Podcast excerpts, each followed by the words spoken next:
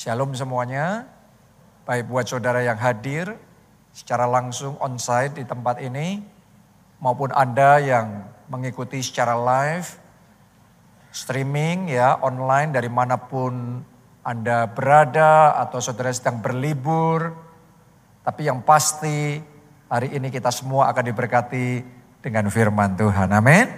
Mari langsung saja kita buka Alkitab kita di dalam 3 Yohanes 1 ayatnya yang kedua ditulis begini. Saudaraku yang kekasih, aku berdoa semoga engkau baik-baik dan sehat-sehat saja dalam segala sesuatu sama seperti jiwamu baik-baik saja. Sampai di situ pembacaan kita. Judul firman Tuhan yang saya mau bagikan kepada saudara hari ini adalah physically and spiritually fit jadi kita itu mesti baik, mesti fit, mesti sehat, baik secara jasmani maupun secara rohani. Apalagi firman Tuhan mengatakan bahwa manusia, saudara dan saya diciptakan roh, jiwa, dan tubuh. Jadi saya doa hari ini, semua jemaat keluarga Allah di mana pun Anda berada, roh saudara sehat, jiwa saudara sehat, tubuh saudara sehat, dalam segala aspek hidup saudara sehat, baik, dan diberkati oleh Tuhan. Katakan amin. Kita kasih tepuk tangan yang paling meriah buat Tuhan. Kalau Anda pelajari di dalam firman Tuhan, maka saudara akan menemukan bahwa orang-orang yang luar biasa yang dipakai oleh Tuhan, di dalam semua dimensi dalam hidupnya, mereka baik, mereka sehat, mereka luar biasa. Daniel contohnya, rohnya kuat. Kalau Anda pelajari di dalam Alkitab, Anda akan menemukan dia kuat di dalam roh, dia kuat di dalam firman, dia kuat di dalam doa, dia punya hubungan pribadi yang kuat dengan Tuhan. Karunia-karunia rohnya tajam sekali, pendengaran rohnya peka sekali, dia melihat penglihatan-penglihatan yang luar biasa. Dia memahami hal-hal spiritual yang tidak dipahami oleh orang lain. Jadi jadi di dalam spiritnya dia kuat. Doa saya hari demi hari dalam hidup saudara, roh saudara bertumbuh tambah kuat, tambah mantap di dalam Tuhan. Amin. Penuh dengan pengurapan Tuhan. Tapi jangan hanya secara spirit saja. Secara jiwa juga, Daniel juga kuat di dalam jiwanya, di dalam pikirannya. Alkitab mencatat bahwa dia 10 kali lipat lebih cerdas dari semua orang yang lain. Yang cerdas di zaman itu. Saya berdoa Anda bukan cuma cinta Tuhan, kuat dalam doa. Tetapi saya berdoa setiap jemaat keluarga Allah diurapi pemikiran saudara, lebih cerdas dari orang-orang yang ada di sekeliling saudara. Amin. Kita anak-anak Tuhan harus lebih cerdas. Daniel ini saudaraku dia punya wisdom yang luar biasa sehingga dia jadi konsultannya raja-raja. Kalau raja-raja, pembesar-pembesar butuh konsultan, datangnya sama Daniel. Daniel ini punya wisdom untuk tackling, untuk mengatasi berbagai macam konflik, berbagai macam situasi yang pelik, yang sukar, yang tidak bisa diatasi oleh orang lain. Tapi Daniel punya wisdom, dia punya know-how, dia punya, dia ngerti bagaimana untuk mengatasi berbagai macam situasi. Dia tahu bagaimana untuk menjadikan suatu make something happen. Dia bukan hanya kuat di dalam doa, tetapi dia punya wisdomnya. Gimana dorong ini? Situasi ini, gimana dorong moving orang, gimana komunikasi yang benar sehingga sesuatu yang dikerjakan jadi berhasil. Saya berdoa secara jiwa Anda juga kuat penuh dengan hikmat, skill saudara tajam, pengetahuan saudara meningkat dengan drastis di dalam aspek, di dalam pikiran saudara cerdas diurapi Tuhan luar biasa. Amin. Jadi pikirannya tajam, Rohnya tajam, bukan cuma itu. Daniel juga secara fisik, dia punya tubuh yang sehat. Dia punya stamina yang kuat. Anda bisa mempelajari dalam Alkitab, staminanya luar biasa, kesehatannya luar biasa, perawaannya baik, penampilannya baik. Jadi ini gambaran harusnya orang Kristen kayak gini. Harusnya anak-anak Tuhan seperti Daniel ini. Dan saya percaya jemaat keluarga Allah di tempat ini orang-orang yang seperti Daniel yang kuat di dalam roh, kuat di dalam jiwa, kuat di dalam tubuh, di semua aspek hidup saudara. Anda diberkati. Tepuk tangannya boleh paling meriah buat Tuhan kita.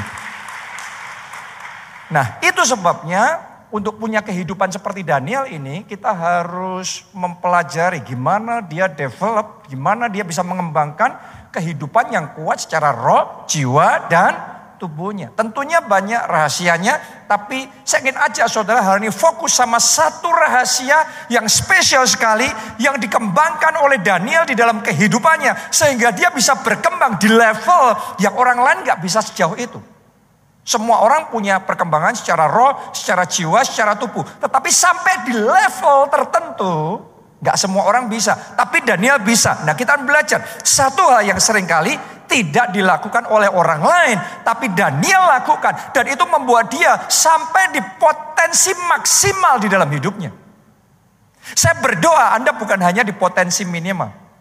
Kita semua mencapai potensi maksimal yang Tuhan sudah tanamkan di dalam hidup kita. Amin.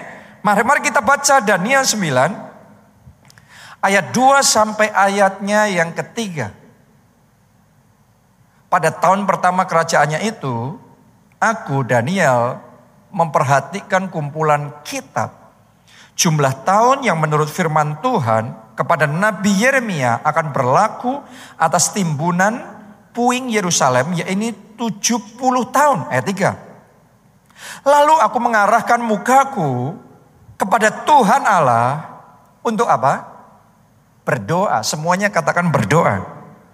Lebih keras katakan berdoa. Paling keras katakan berdoa.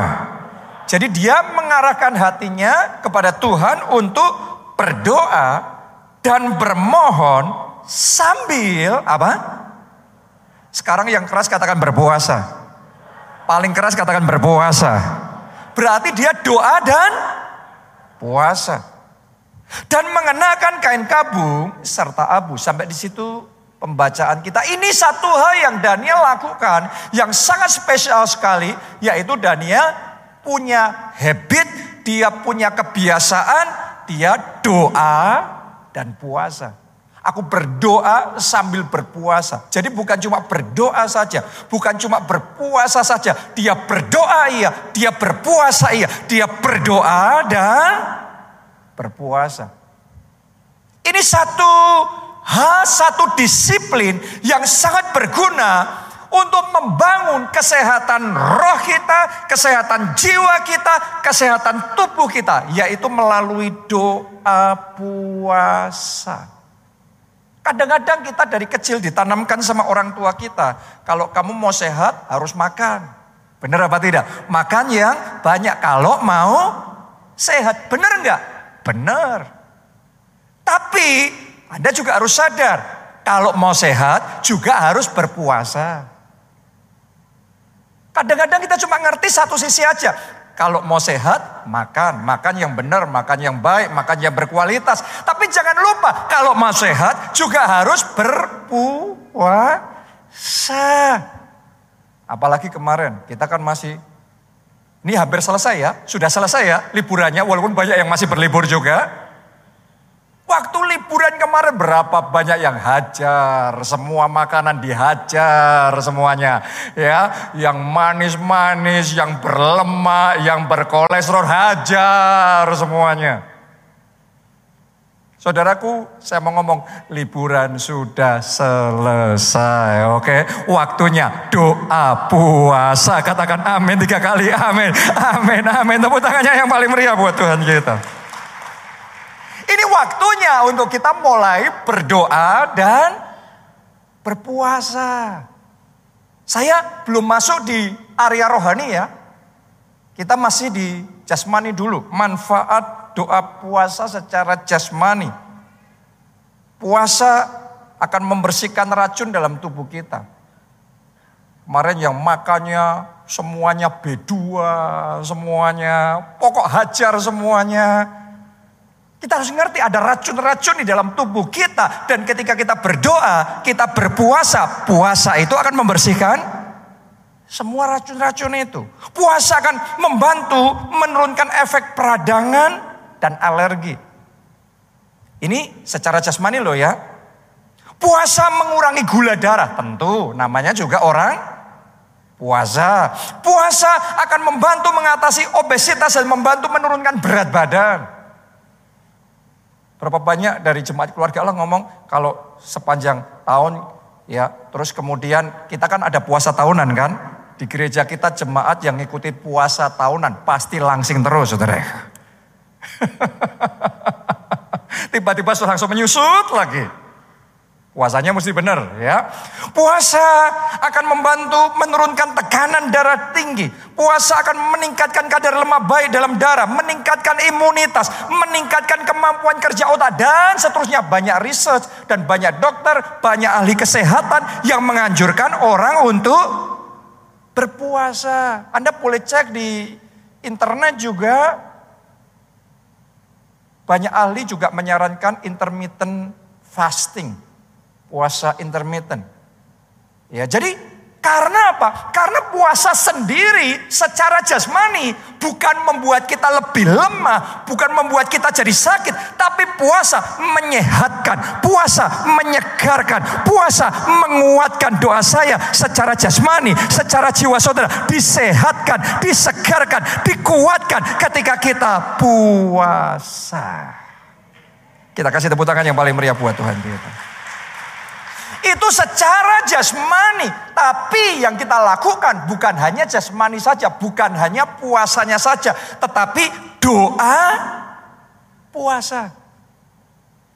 Kalau saudara cuma puasa Anda akan dapat manfaat juga. Tetapi sama seperti orang yang di luar Tuhan yang puasa. Mereka dapat manfaat secara jasmani, secara lahiriah. Saudara dan saya masuknya adalah doa puasa, maka berkatnya berlipat kali ganda. Oke. Kita sesaat lagi akan masuk di dalam musim doa puasa nih di gereja kita. Dan saya percaya selama musim doa puasa ini setiap dari saudara terima blessingnya melimpah, favornya melimpah, anugerahnya melimpah. Boleh katakan amin. Kita kasih tepuk tangan yang paling meriah buat Tuhan kita. Nah sekarang, sekarang kita mulai masuk nih secara rohani. Manfaat puasa yang dicatat di dalam firman Tuhan. Doa dan puasa. Kali ini bukan cuma puasa, tapi doa dan puasa.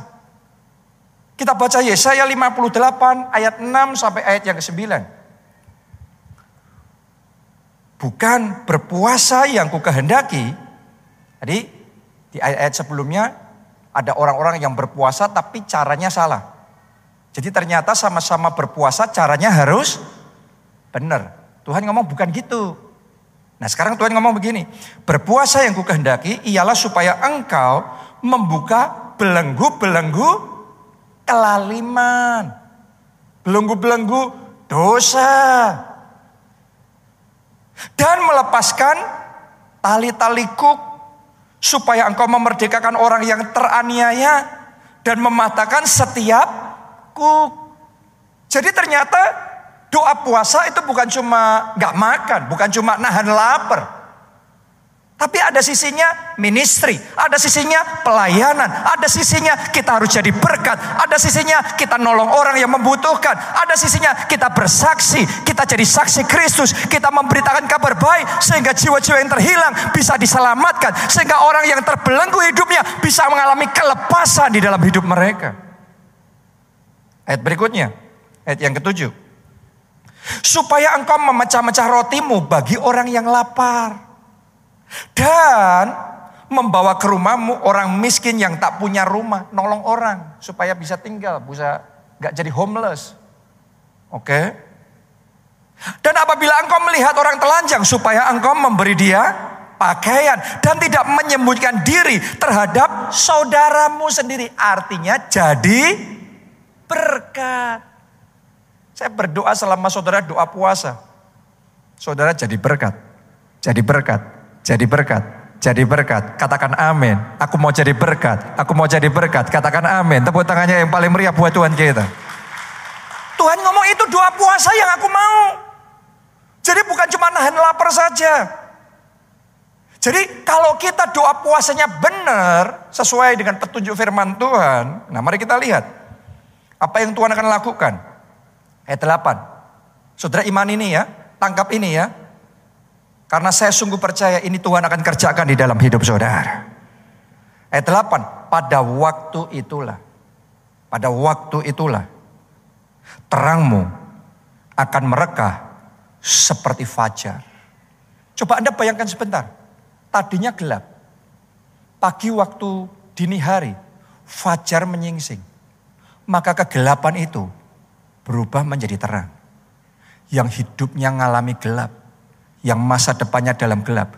Ketika engkau doa puasa yang benar, Tuhan akan memunculkan terangmu mereka seperti fajar. Amin. Yang kemarin pernikahannya gelap. Yang keluarganya keadaannya gelap, pertengkaran, terus banyak hal yang Anda alami dan hidup saudara kayaknya gelap sekali, awan gelap di dalam keluarga saudara, di dalam hidup saudara. Tapi ketika Anda doa puasanya benar, fajarmu akan mereka, kegelapanmu akan dirubah Tuhan menjadi terang beneran. Kenapa? Karena sinar kemuliaan Tuhan memancar dalam hidup saudara. Haleluya kuasa yang akan dinyatakan ketika Anda bangkit di dalam doa dan puasa. Lanjutin lagi. Dan lukamu akan pulih dengan segera. Saya percaya ini luka ini bisa bicara tentang luka secara jasmani, tubuh, dari sakit penyakit, dari virus, dari banyak hal. Luka ini juga bisa bicara secara jiwa kita, secara emosi kita. Karena bulan ini firman Tuhan di gereja kita bicaranya tentang soul healing. Yang butuh healing bukan cuma tubuh kita, tapi yang butuh hilang juga emosi kita. Dari apa? Dari ketakutan, dari kekecewaan, dari sakit hati, dari kepahitan, dari banyak hal yang membelenggu dari depresi, dari stres. Waktu saudara doa puasa, Dengarkan baik-baik. Kuasanya akan bekerja, kasihnya akan mengalir, lukamu pulih dengan segera. Bahkan luka di dalam keuangan saudara, luka di dalam pekerjaan saudara, luka di dalam keluarga saudara, pulih dengan segera. Amin. Pulih dengan segera yang yang sampai sekarang masih luka akibat pandemi. Pandemi menciderai pekerjaan saudara, pandemi menghancurkan, merontokkan banyak bagian dalam hidup saudara. Saya mau deklarasikan melalui doa puasa, lukamu pulih dengan segera. Pemulihan yang segera terjadi di dalam hidup saudara. Melalui doa puasa, ini janji firman Tuhan. Lanjutkan.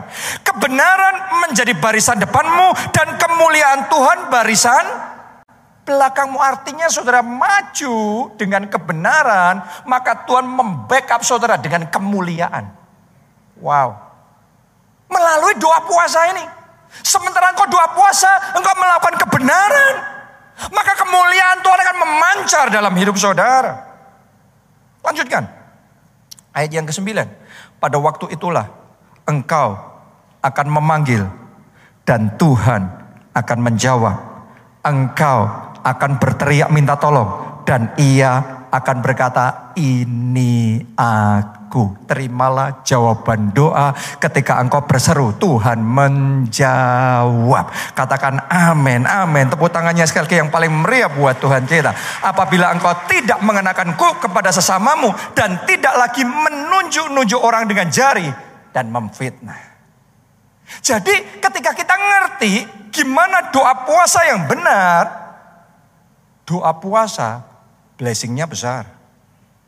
Banyak orang nggak mau doa puasa karena nggak ngerti, nggak dong. Dipikirnya doa puasa nahan lapar. Doa puasa aku nggak bisa makan ini, nggak bisa itu, nanti lemas sepanjang hari. It, itu doa puasa yang salah. Tapi kalau doa puasamu benar, pintu-pintu akan terbuka dalam hidupmu. Pemulihan akan terjadi, kemuliaan Tuhan akan dinyatakan. Jawaban doa, mujizat, keajaiban akan dinyatakan di dalam hidup saudara. Karena itu saya ingin ajak saudara, ayo bangkit dan mulai doa puasa. Saya sebelum khotbah ini pun saya sudah doa puasa. Sejak dari kemarin saya sudah doa puasa. Jadi kalau besok saya ngajak saudara untuk doa puasa, saya sudah mulai terlebih dahulu dengan doa puasa. Karena saya tahu ada kuasa yang besar yang menyertainya. Ketika kita doa puasa, ada tangan Tuhan yang ajaib akan bekerja di dalam hidup kita. Nanti Anda akan saksikan hidup kekristenan itu nggak sama seperti yang di luar Tuhan. Kalau Anda nggak ngerti tentang perkara-perkara rohani, Anda akan berpikir nggak ada bedanya kita ikut Tuhan, kita jadi orang Kristen sama orang yang nggak kenal Tuhan, sama orang yang nggak beribadah kayak nggak ada bedanya. Tapi kalau saudara ngerti berjalan bersama dengan Tuhan, Anda ngerti kuasa di dalam doa puasa, Anda akan melihat tangannya, walaupun tidak kelihatan itu, akan ajaib, nyata, bekerja di dalam kehidupanmu. Karena itu saya ajak saudara, ayo bangkit, doa, puasa. Di zaman sekarang ini, semakin sedikit orang yang, orang Kristen yang doa puasa, bahkan semakin sedikit pendeta yang doa puasa. Karena itu semakin sedikit keajaiban dan karya Tuhan dan mujizat yang dimanifestasikan dalam hidup mereka. Anda bisa tes di mana saja orang Kristen, pendeta, gereja yang sedikit doa puasa, sedikit mengalami kuasa Tuhan.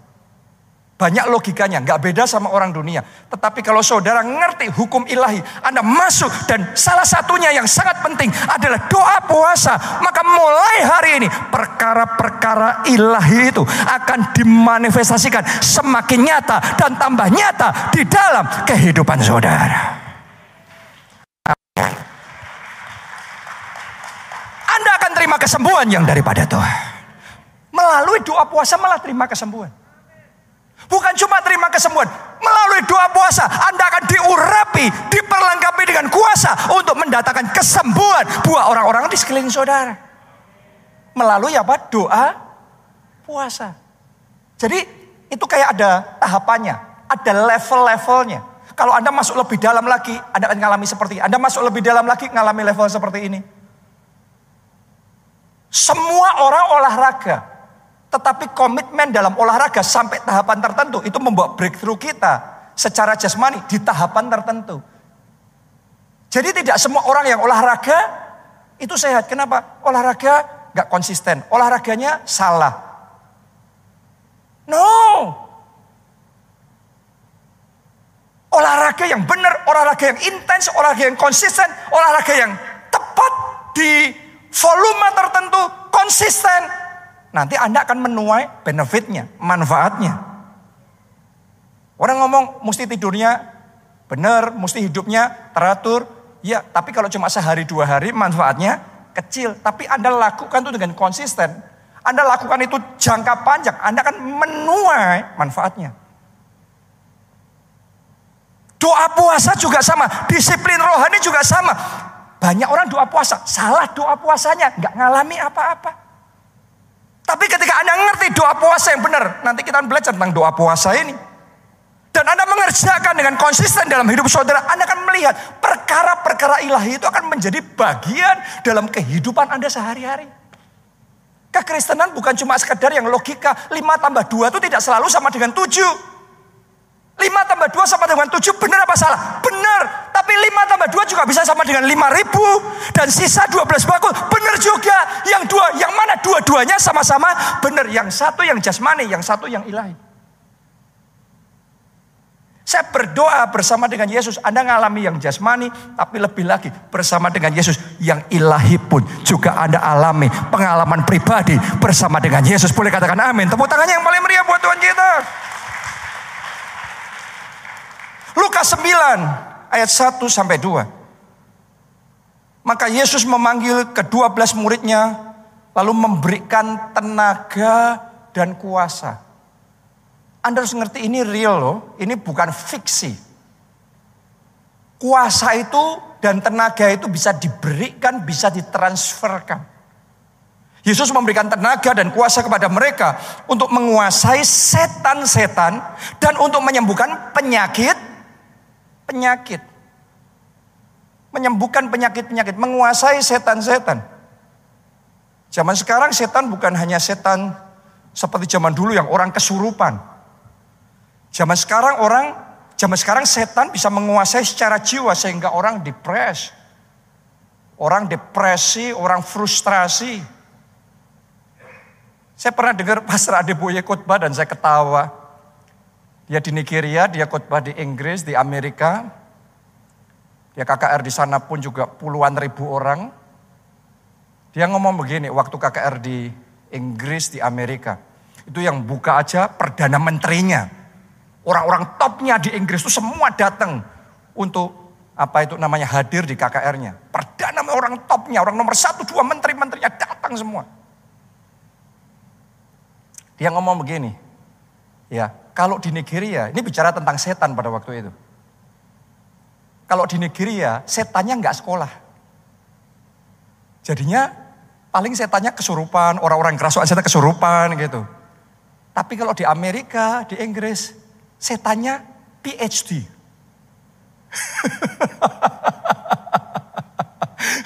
Bisa naik Rolls Royce. Bawanya pistol masuk ke sekolah nembakin anak-anak. Setan itu akan selalu bermanifestasi dengan manifestasi yang berbeda di budaya yang berbeda juga. Oke? Tapi apa pun itu yang Anda hadapi di dalam hidup saudara, Tuhan bisa memberi Anda kuasa untuk mengalahkan setan-setan, roh-roh jahat. Sehingga dalam hidupmu engkau bisa mengalami kemenangan. Saya berdoa mulai hari ini ada kemenangan terjadi dalam hidup saudara. Bahkan setiap kekalahan yang engkau alami dibalik menjadi kemenangan. Dan untuk mengalami kemenangan itu butuh apa? Kuasa. Kalau nggak ada kuasa Anda fight, Anda kalah. Berapa banyak orang ngerti, berapa banyak orang nggak sadar tentang hal itu. Maunya perang, menang nggak punya power, gembos deh, kalah. Dan salah satu power yang kita perlu punya adalah spiritual power, kuasa rohani. Itu kuasa yang tidak kelihatan, tapi so real, sangat nyata. Yesus memberi kepada mereka tenaga dan kuasa untuk menguasai setan-setan dan menyembuhkan penyakit-penyakit. Dan ia mengutus mereka untuk memberitakan kerajaan Allah dan untuk menyembuhkan orang. Ayat 6, perhatikan. Lalu pergilah mereka dan mereka mengelilingi segala desa sambil memberitakan Injil dan menyembuhkan orang sakit di segala tempat. Kalau Anda baca ini, Anda akan menyadari bahwa murid-murid Yesus sejak terima kuasa dari Tuhan, tadinya mereka nggak bisa melakukan mujizat. Sekarang mereka bisa. Jadi Anda yang tidak punya kuasa untuk mengerjakan mujizat, saya percaya melalui doa puasa Tuhan akan memberikan kuasa kepada saudara untuk mengerjakan mujizat sehingga Anda bisa mengalami mujizat itu di dalam hidup saudara. Amin. Haleluya.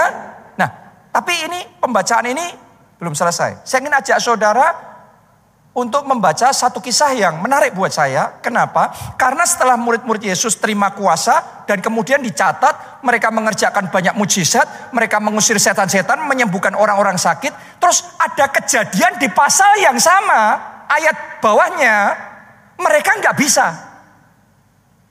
Masih di Lukas 9, sekarang baca ayat 40. Dan aku, ini ada seorang perempuan, seorang ibu, Datang sama Yesus ngomong gini, aku telah meminta kepada murid-muridmu. Murid-muridnya Yesus sudah dikasih kuasa belum tadi? Sudah di ayat sebelumnya dicatat jelas mereka sudah diberi kuasa dan mereka sudah melakukan mujizat, mengusir setan, menyembuhkan orang sakit. Tapi di pasal yang sama ditulis, ada seorang ibu datang sama Yesus ngomong begini, aku telah meminta kepada murid-muridmu supaya mereka mengusir roh jahat itu, mengusir roh itu, tetapi mereka tidak Dapat. Lah, tadi sudah bisa. Sekarang kok jadi tidak bisa. Ini di pasal yang sama loh saudara. Alkitab tuh kalau ngomong tuh apa adanya. Bisa ya bisa, nggak bisa ya. Nggak bisa. Kenapa ini? Bisa menyembuhkan orang sakit, tapi ini nggak bisa. Bisa mengusir roh jahat, tapi ini nggak bisa. Ayat 41. Maka kata Yesus, Hai kamu angkatan yang tidak percaya dan yang sesat, berapa lama lagi aku harus tinggal di antara kamu dan sabar terhadap kamu. Bawa anakmu itu kemari. Dan ketika anak itu mendekati Yesus, setan itu membantingnya ke tanah dan menggoncang-goncangnya. Tetapi Yesus menegur roh jahat itu. Sekarang siapa yang menegur?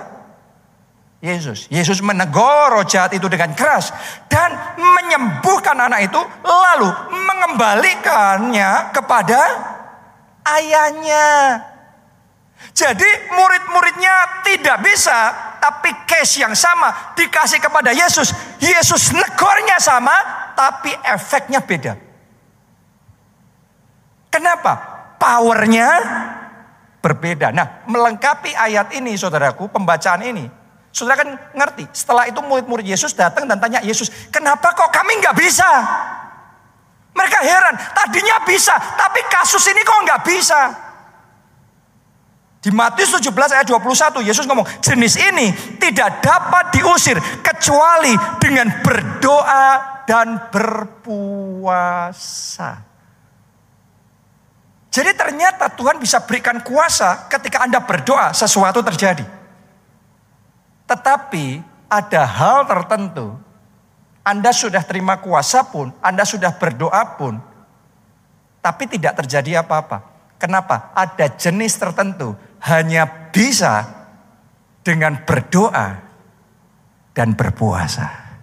Bisa jadi terobosan yang selama ini Anda nggak bisa alami itu jenis yang butuh berdoa dan berpuasa. Bisa jadi solusi masalah yang Anda butuhkan ini hanya bisa datang melalui berdoa dan berpuasa. Bisa jadi masalah keluarga yang Anda hadapi harus saudara hadapi dengan berdoa dan berpuasa. Bisa jadi masalah di dalam pekerjaan, di dalam keuangan yang Anda atasi sekarang ini hanya bisa diatasi dengan berdoa dan berpuasa. Jadi berdoa berpuasa itu tidak sama dengan menderita, nggak boleh ini, nggak boleh itu. Tetapi berdoa dan berpuasa akan membuka pintu-pintu yang tidak bisa Anda buka. Anda akan mengalami terobosan-terobosan yang tadinya tidak bisa Anda alami. Kemenangan-kemenangan dan mujizat-mujizat pilihan yang tadinya tidak pernah Anda alami. Tuhan kerjakan melalui berdoa dan berpuasa. Katakan amin, amin, amin. Tepuk tangannya yang paling meriah buat Tuhan kita. Karena itu saya ajak saudara, ayo bangkit, berdoa dan berpuasa. Ayo berdoa dan berpuasa. Dalam hidup saya sendiri, saya menghidupi dan mempraktekkan firman Tuhan ini. Saya bukan cuma mengkhotbahkan sama saudara. Saya menghidupi dan mempraktekkan firman Tuhan ini ketika saya menghadapi peperangan yang besar dalam hidup saya saya tambahkan perjuangan saya dengan berpuasa, berdoa dan berpuasa. Ketika saya dalam keadaan terdesak, kayaknya nggak ada jalan, keluar kiri kanan semuanya ketutup, saya lawan dengan berdoa dan berpuasa. Ketika saya mau naik level, mau nanjak, naik lagi untuk bisa mengalami breakthrough yang lebih besar. Berjuang secara roh, jiwa, tubuh ya, tetapi saya tambahkan dengan berdoa dan berpuasa. Itu bukan satu-satunya yang saya lakukan. Perjuangan secara jasmani juga saya lakukan. Ketemu orang, networking, ini itu semuanya kita lakukan. Tetapi ditambah dengan berdoa dan berpuasa. Dan saya melihat bagaimana Tuhan membalikkan keadaan-keadaan yang sudah terlanjur. Sudah salah langkah. Kadang kita manusia salah langkah kan?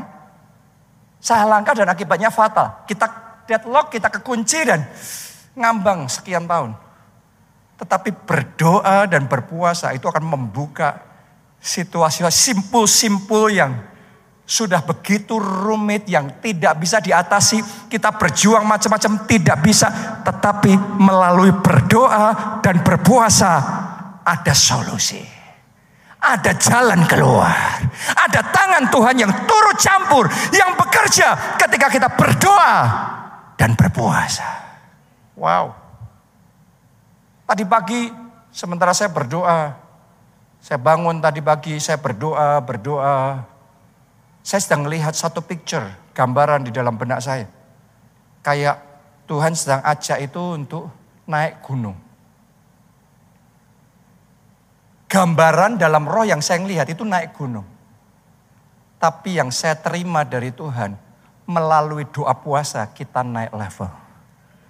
Naik gunung itu saudaraku ya beda sama kita turun gunung itu gampang cepat. Naik gunung itu butuh bayar harga. Butuh perjuangan yang lebih. Saya percaya itu picture yang sama. Tuhan mau bicara kepada kita semua. Saudara semua, ayo tahun ini naik gunung Tuhan. Ayo tahun ini bayar harga. Ayo tahun ini doa puasa. Anda akan dibawa Tuhan naik level. Anda akan dibawa Tuhan mengalami pengalaman-pengalaman yang ajaib, yang indah, yang besar, yang belum pernah Anda alami sebelumnya. Tuhan akan manifestasikan dalam hidup saudara. Ayo doa puasa. Haleluya. Haleluya. Saya mau ngomong sama saudara, salah satu bagian dari tempat ini jadi, jujur saya ngomong sama saudara, melalui doa puasa. Ketika kita memulai ini, itu benar-benar saya pernah cerita sama saudara, rekening kita tuh nol, nol. Sebelum pandemi, pandemi Maret, Februari itu rekening kita nol, di semua rekening kita nol. Terus itu Februari. Maret, brek, langsung lockdown. Itu secara manusia kita sudah kayak terkapar, kita sudah kayak deadlock semuanya. Saat kita nggak ada dana, saat kita nggak ada jalan keluar, kita masih punya Tuhan. Kita bisa berseru sama Tuhan. Seperti Daniel, kita masih datang ke hadapan Tuhan dengan berdoa sambil berpuasa.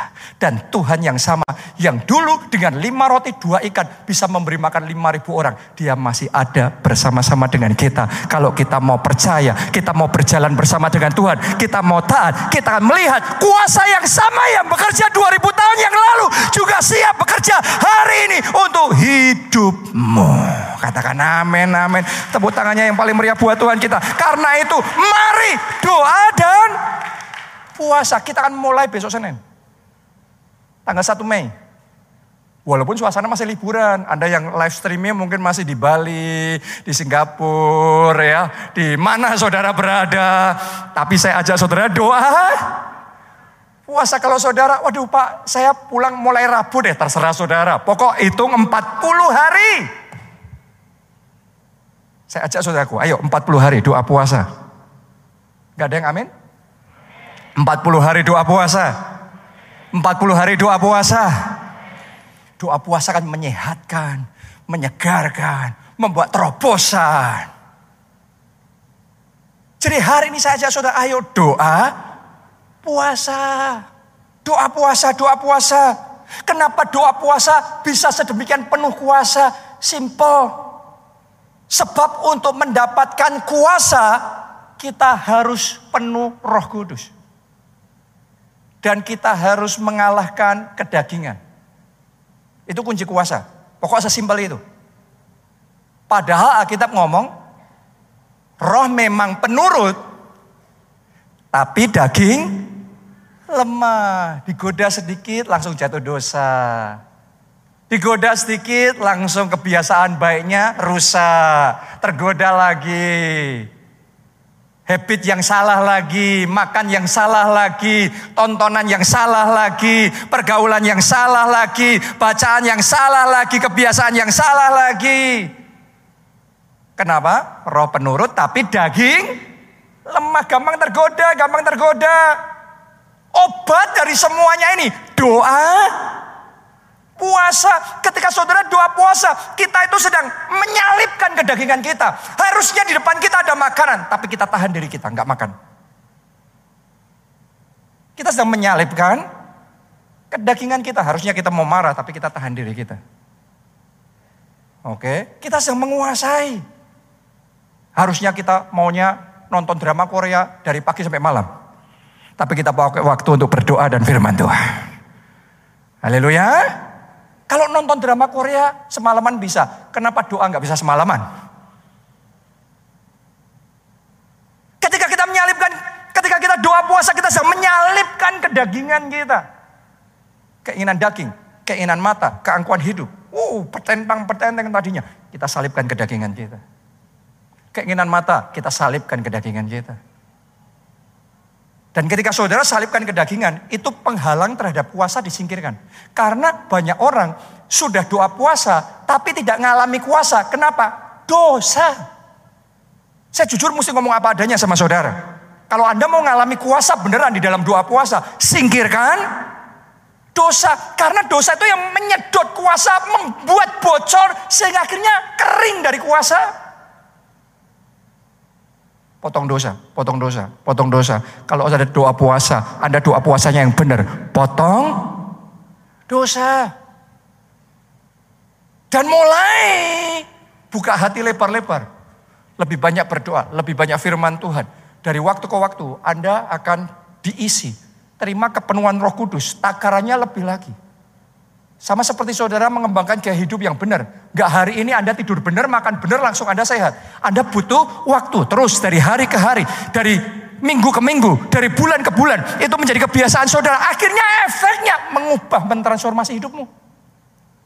Disiplin rohani juga gitu. Doa puasa juga gitu. Dari waktu ke waktu. Anda menyalipkan kedagingan saudara. Anda mengarahkan diri sama Tuhan dalam doa dan firman. Makin hari kepenuhan roh kudus akan makin dilimpahkan dalam hidup saudara. Makin hari urapannya akan makin bertambah dalam hidup saudara. Sampai di titik tertentu kuasa itu akan bermanifestasi. Tiba-tiba engkau akan mengalami seperti murid-murid Yesus. Tadinya doa yang sama, gak ada kuasanya. Sekarang doamu masih sama, omongannya sama. Tapi kuasanya nyata. Anda harus ngerti loh, tidak semua orang bekerja sukses. Tapi bekerja di level tertentu, dalam frekuensi tertentu, dengan cara tertentu, itu yang membuat sukses. Jadi kalau kita berdoa belum sukses, jangan ngomong nggak perlu bekerja. Anda yang selama ini sudah puasa tapi belum mengalami apa-apa. Ayo belajar doa puasa yang benar. Karena kalau Anda doa puasa yang benar, akan ada kuasa Tuhan yang dimanifestasikan dalam hidup saudara. Dan Anda kan ngalami mujizat itu tuh real nyata. Mujizat itu bukan hanya 2000 tahun yang lalu. Mujizat tersedia hari ini. Mujizat available saat ini. Dan terima kuasa Tuhan. Terima mujizat saudara. Terima jawaban doa saudara. Katakan amin. Tepuk tangannya yang paling meriah buat Tuhan kita. Ayo doa puasa. Mulai besok kita doa puasa. Mulai Senin kita doa puasa. Satu Mei ya, sampai tanggal berapa sih itu kalau dihitung? 9 Juni. Kita doa puasa. Mungkin adalah tanya sama saya apa yang harus saya lakukan selama berpuasa. Sederhana. Secara rohani tambahkan waktu doa dan firman. Karena kita bukan cuma berpuasa, kita berdoa sambil berpuasa. Anda tambahkan doa dan firman. Tadi firman Tuhan ngomong, jadi berkat, lakukan hal yang baik buat orang lain. Selama Anda berpuasa, bersaksi, selamatkan jiwa-jiwa. Apalagi minggu depan nih ya, oleh anugerah Tuhan kita bersyukur, di tempat ini, gereja kita ini, minggu depan kita akan tambah jadi dua kali ibadah. Haleluya. Puji nama Tuhan. Jadi jam 10 dan jam satu siang Pastor Nita yang akan melayani saudara minggu depan dalam dua kali ibadah di PIK ini. Saudara ajak teman-teman, saudara ajak keluarga, ajak mereka sebanyak mungkin. Saya percaya di waktu-waktu kita doa puasa 40 hari ini, ini adalah waktu-waktu penuh dengan mujizat terjadi, penuh dengan jawaban doa, penuh dengan keajaiban, penuh dengan pertolongan Tuhan, penuh dengan pemulihan. Tuhan akan nyatakan itu di tengah-tengah kita. Saya ajak saudara semua doa puasa. Karena di saat itu hujan deras datang, jangan pakai payung sendiri terus kering sendiri. Kalau hujan jasmani ya Anda pakai payung sendiri yang terserah itu lebih baik ya. Tapi ketika hujan mujizat doa saya gak ada yang terlewat. Semuanya alami kuasa Tuhan. Semuanya alami Yesus secara pribadi dalam hidup saudara. Semuanya alami keajaiban dan demonstrasi kemuliaan Tuhan dinyatakan dalam hidup saudara. Amin. Haleluya. Ayo doa puasa. Ya tentunya Anda bisa lakukan aktivitas normal saudara. Anda tetap meeting seperti biasa. Ketemuan sama orang seperti biasa. Aktivitas normal lakuin aja. Gak usah berpikir kalau doa puasa, waduh saya berarti gak bisa meeting. Saya nanti lemes. Itu mindset. Kalau Anda doa puasa ngomongnya lemes, Anda lemes. Kalau doa puasa sudah ngomongnya seger, Anda seger. Makanya doa puasa harus dilakukan dengan iman. Daniel waktu doa puasa, dia ngomong gini, tunggu 10 hari lagi. Nanti kamu cek, kamu bandingkan aku sama orang yang gak doa puasa. Lebih sehat mana aku sama mereka. Lebih seger mana aku sama mereka. Dan ketika dibandingkan, ternyata setelah doa puasa lebih seger, lebih sehat. Terjadilah sesuai imannya. Jadi kalau mindset sudah doa puasa, wah lemes, lemes. Waduh nanti sakit perut, sakit perut, sakit perut beneran. Bukan karena puasanya, karena mindsetnya. Saya aja saudara ketika Anda doa puasa, doa puasa itu seger, doa puasa itu sehat, doa puasa itu fresh. Saya doa puasa hari Minggu, saya khotbah dari pagi sampai malam baru buka puasa, eh, setelah jam buka puasa. Fresh kok, seger kok, nggak ada masalah. Saya full activities, no problem. Mindset saja.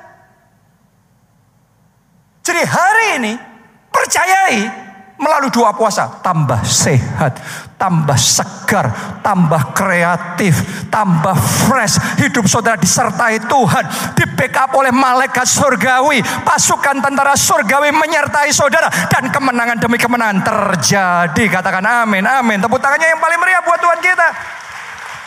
Siap mulai doa puasa. Doa puasanya dengan komitmen. Ini kan mau mulai doa puasa ya, jadi saya harus bacakan ayatnya ini dulu. Karena saya tahu waktu kita puasa selalu akan ada godaan. Saat saudara hari Minggu dikotbah seperti ini, semuanya amin. Haleluya, saya mau doa puasa. Tapi nanti setelah hari Minggu, Anda mulai doa puasa. Yang khotbah bukan saya, iblis ganti khotbah. Nah, ini ini. Kalau sudah iblis yang ganti khotbah tuh lain lagi nanti. Makanya butuh komit Men, kalau enggak Anda main games, iblis akan melakukan main game sama saudara sehingga Anda batal puasa. Daniel 1 ayat yang ke-8. Daniel 1 ayat 8. Perhatikan baik-baik, ini ayat yang terakhir. Pemain musik bisa maju ke depan. Ditulis begini, Daniel berketetapan. Semuanya katakan dengan mantap berketetapan. Lebih kuat katakan berketetapan. Daniel berketetapan untuk apa? Tidak menajiskan dirinya dengan santapan raja. Dan dengan anggur yang biasa diminum raja. Sampai di situ aja pembacaan kita. Jadi waktu dia berpuasa, dia berketetapan. Saya ingin ajak saudara berpuasa bukan coba-coba berpuasanya dengan berketetapan. Jangan berpuasa tanpa ketetapan. Mulailah doa puasa dengan berketetapan. Bahwa dia tidak akan terima makanan raja. Minuman raja. Ini bukan cuma tahu tempe saudaraku. Ini makanan raja. Minuman raja. Oke. Jadi kalau puasa, Anda lagi puasa, diajak makan ke istana raja, diajak ke restoran raja.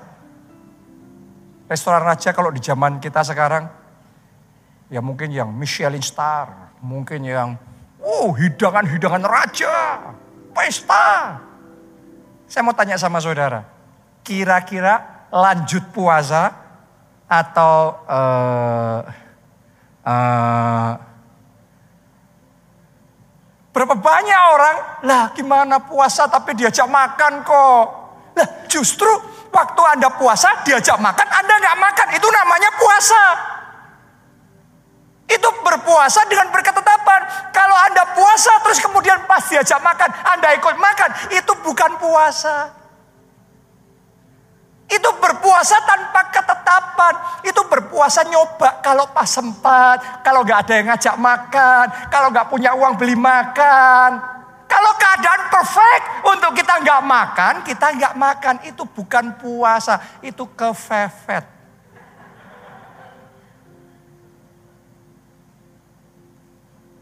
Saya mau ngomong sama saudara, berpuasa itu di saat semua tawaran paling menggiurkan, keadaan paling mendesak Anda untuk Anda ditawarin dengan godaan makanan-makanan raja, roti-roti raja, kek-kek raja. Anda berketapan untuk tetap doa puasa. Oh, sesuai dengan bayar harga saudara dicatat satu demi satu. Tuhan catat, oh ditawarin ini, tawarin itu, dicatat semuanya sama Tuhan. Dia tetap berketetapan doa puasa. Dan untuk semua harga yang Anda bayar itu Tuhan catat dan Tuhan akan berkati. Hidup saudara boleh katakan amin. Tepuk tangannya boleh yang paling meriah buat Tuhan kita. Siap bagi doa puasa? Yang belum pernah doa puasa mulai aja. Nggak apa-apa langsung aja doa puasa. Berapa lama Pak? 40 hari. Terus gimana doa puasanya? Kalau biasanya sih ya setiap tahun kita, saya ngomongnya gini. Pokok dari bangun tidur jangan sahur. Sahur itu bukan buat kita orang Kristen, oke? Okay? Ya, Anda sudah pokok langsung aja puasa dari bangun tidur jangan makan. Terus baru jam 6 sore buka puasa. Saya setiap tahun dulu ngomongnya gitu. Tapi tahun ini agak saya modifikasi sedikit nih. Ya pokok kalau Anda mau doa puasa, awali gini, komitmen tiap hari, yang baru ya, ini pemula ya, yang pemula, saudara puasanya ya hanya boleh tiap hari makan 6 jam. Terserah, mau mulai jam 6 sampai jam 12 makan sudah cuma di window itu aja. Kalau saudara sudah bisa naik jadi 4 jam. Window makannya jam 6 sampai jam 10 misalnya gitu.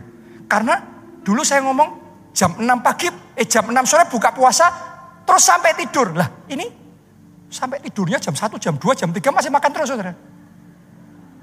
Hajar terus Indomie, Supermie, itu malam-malam wah tambah mantep itu katanya. No, no, no, no. Turunin. Kalau sudah bisa 4 jam. Kalau sudah bisa tiap hari cuma dua jam aja.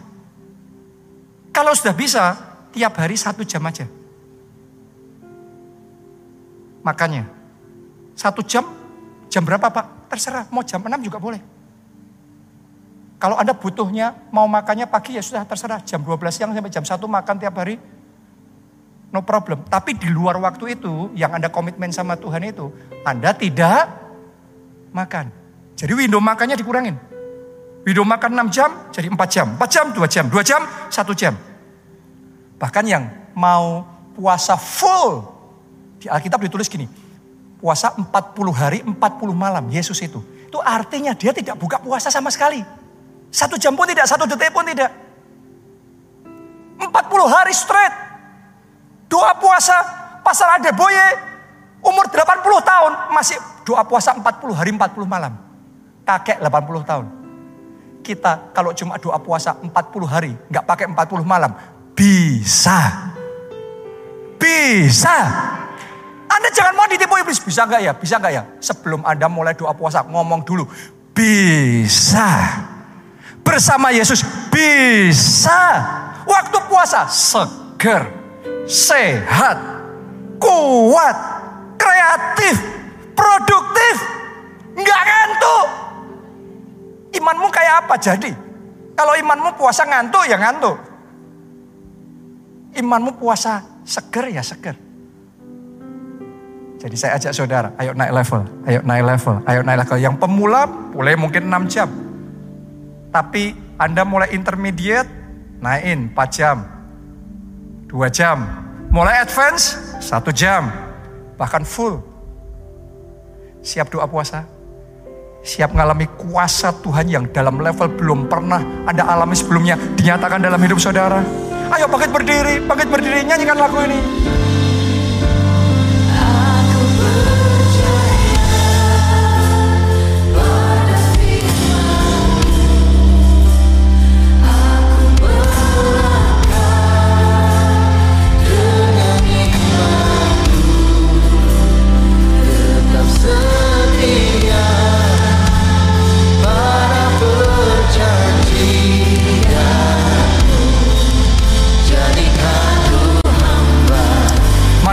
Angkat dua tangan saudara, katakan bersama. Aku percaya pada firmanmu. Aku melangkah dengan imanku. Tetap setia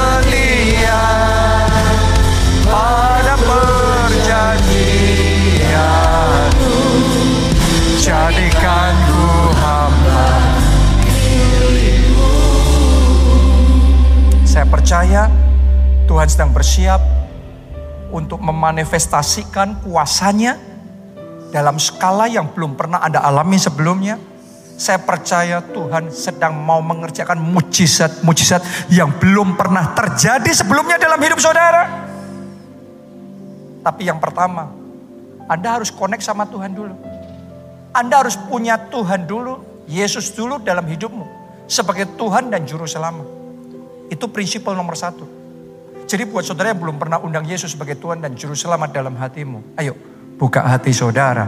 Minta dia masuk jadi Tuhan dan Juru Selamatmu. Maka engkau akan terima pengampunan dosa. Itu perlu loh. Karena dosa itu penghalang kuasa. Penghalang jawaban doa, penghalang mujizat. Tapi ketika engkau terima Yesus, engkau terima pengampunan dosa dan engkau terima hidup kekal, jaminan keselamatan di dalam kerajaan surga. Di mana pun Anda berada, mari buka hati, angkat dua tangan saudara, ikuti doa ini. Katakan Tuhan Yesus, masuklah dalam hatiku, jadilah Tuhan dan Juru Selamatku. Ampuni dosa-dosaku, selamatkan hidupku. Mulai sekarang, Hidupku milik Tuhan Yesus. Aku siap mengiring Yesus. Melayani Yesus. Seumur hidupku. Terima kasih Tuhan. Amin. Yang kedua, siapa di sini yang mau dibawa oleh Tuhan naik ke gunungnya Tuhan, dibawa Tuhan untuk naik level dalam hidup saudara. Siapa di sini yang mau dibawa Tuhan untuk bayar harga lebih lagi dalam perjalanan imanmu mengiring Yesus jangan dari tahun ke tahun sama gitu-gitu aja. Ayo, tahun ini harus ada sesuatu yang lebih dari tahun-tahun sebelumnya. Anda yang mau, mari angkat dua tangan saudara dan katakan Tuhan Yesus. Tuhan Yesus. Lebih kuat katakan Tuhan Yesus. Tuhan Yesus. Aku mau naik level.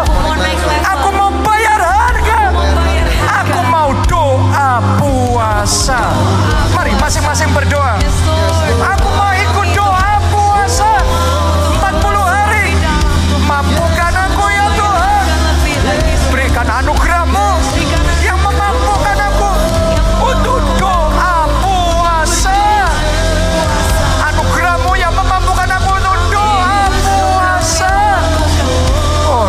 pacașiara, la pacașiara, la pacașiara, la pacașiara.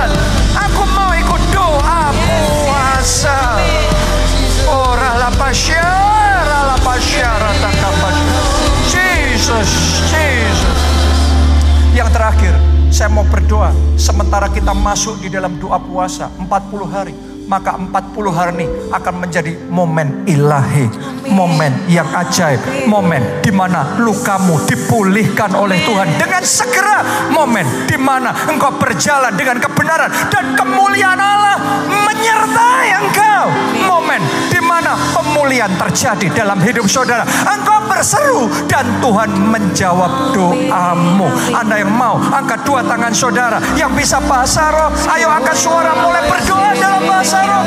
Yang belum, saudara doa dalam bahasa Indonesia.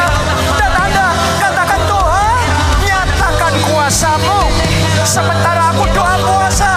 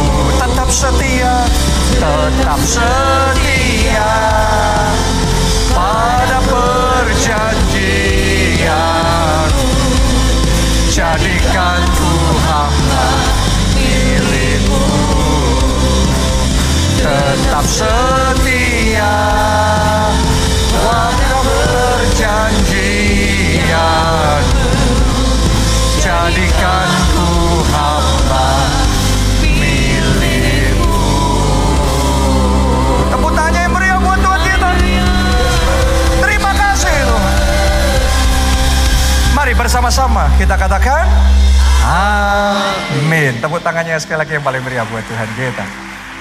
Ada yang perlu saya klarifikasi sedikit. Tadi saya ngomong tentang jendela makan 6 jam, 4 jam, 2 jam, 1 jam. Ya, Nah, saudara itu jangan dibagi-bagi ya.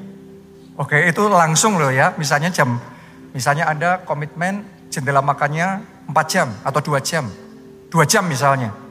Ya dua jam itu langsung. Dari jam berapa sampai jam berapa jangan. Satu jam pagi satu jam malam. No oke. Ya dua jam itu sekaligus. Empat jam itu sekaligus. Ya tapi saya percaya Tuhan memampukan saudara. Sekali lagi berpuasa dengan berketetapan. Berpuasa dengan iman. Imannya apa? Selama 40 hari ini sesuatu yang ajaib Tuhan kerjakan dalam hidup kita. Amin. Masing-masing dari saudara punya situasi masing-masing. Tapi saya yakin ada blessing yang spesial yang akan menyertai saudara. Jadi besok mulai 1 Mei kita mulai doa puasa dan tanggal 7 Mei tempat ini jadi dua kali ibadah. Jam 10 dan jam 1 siang Pastor Nita yang akan melayani saudara minggu depan. Angkat dua tangan saudara dan terima berkat ini. Diberkati saudara oleh Tuhan. Amin. Diberkati keluargamu oleh Tuhan. Amin. Diberkati studi dan pekerjaanmu oleh Tuhan. Amin. Diberkati kesehatan dan masa depan saudara oleh Tuhan. Dan diberkati pertumbuhan rohani serta pelayanan saudara oleh Tuhan. Dalam anugerah Allah Bapa, cinta kasih Yesus Kristus dan persekutuan dengan Roh Kudus sekarang sampai selama-lamanya. Mari bersama-sama kita katakan amin.